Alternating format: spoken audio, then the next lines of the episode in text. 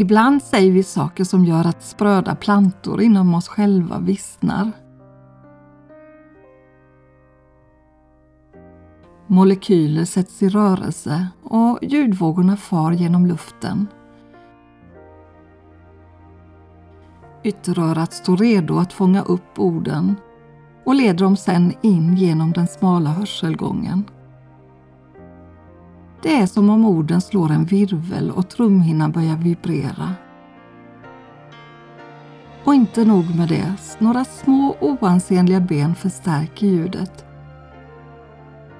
Tusentals små hårceller sätts i gungning.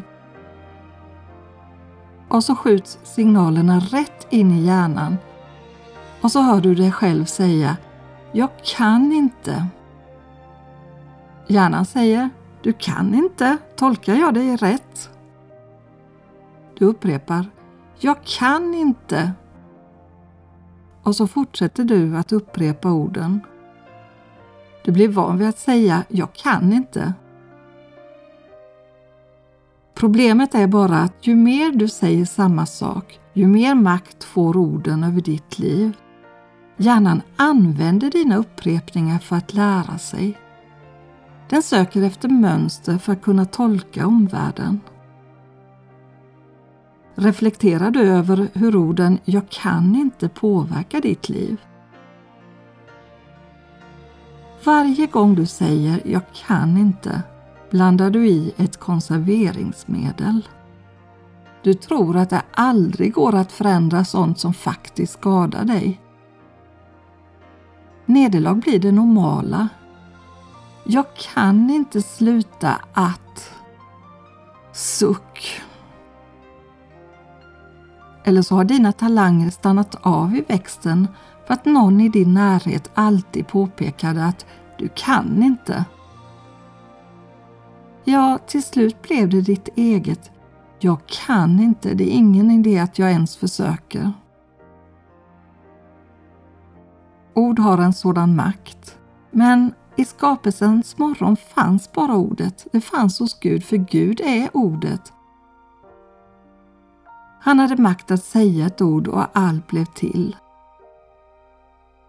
De stora haven, torra land, alla växter och djur. Och som kronan på verket skapade han människan. Hela Bibeln berättar berättelsen om Jesus som är det ultimata uttrycket för Guds kärlek till oss. Där står det talas om Jesus som är ordet och som kom för att bo hos oss. Han var med redan från början när Gud skapade allt. Ja, Fadern, Sonen och den heliga Ande, den ultimata enheten och kärleken fanns där. Är det omöjligt att sluta säga ”jag kan inte”? Känner du dig maktlös? När du vänder dig till Gud behöver inte dessa ord få makt över ditt liv.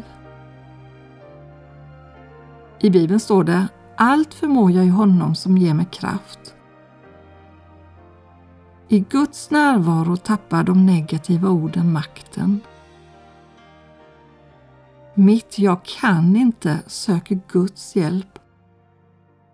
Och han svarar Var inte rädd, för jag är med dig. Se dig inte ängsligt om, för jag är din Gud. Jag styrker dig, jag hjälper dig. Jag stöder dig med min rättfärdighets högra hand. Vad vill du att jag ska göra för dig, sa Jesus. Säg bara ett ord så blir jag frisk.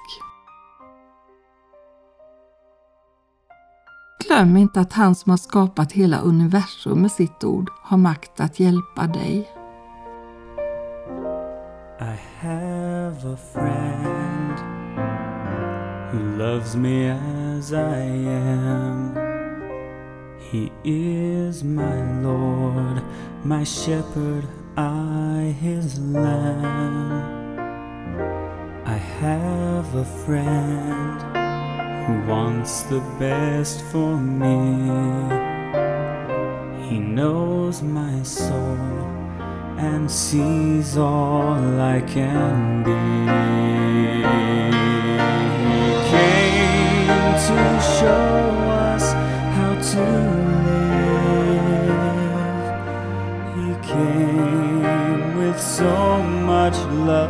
to give.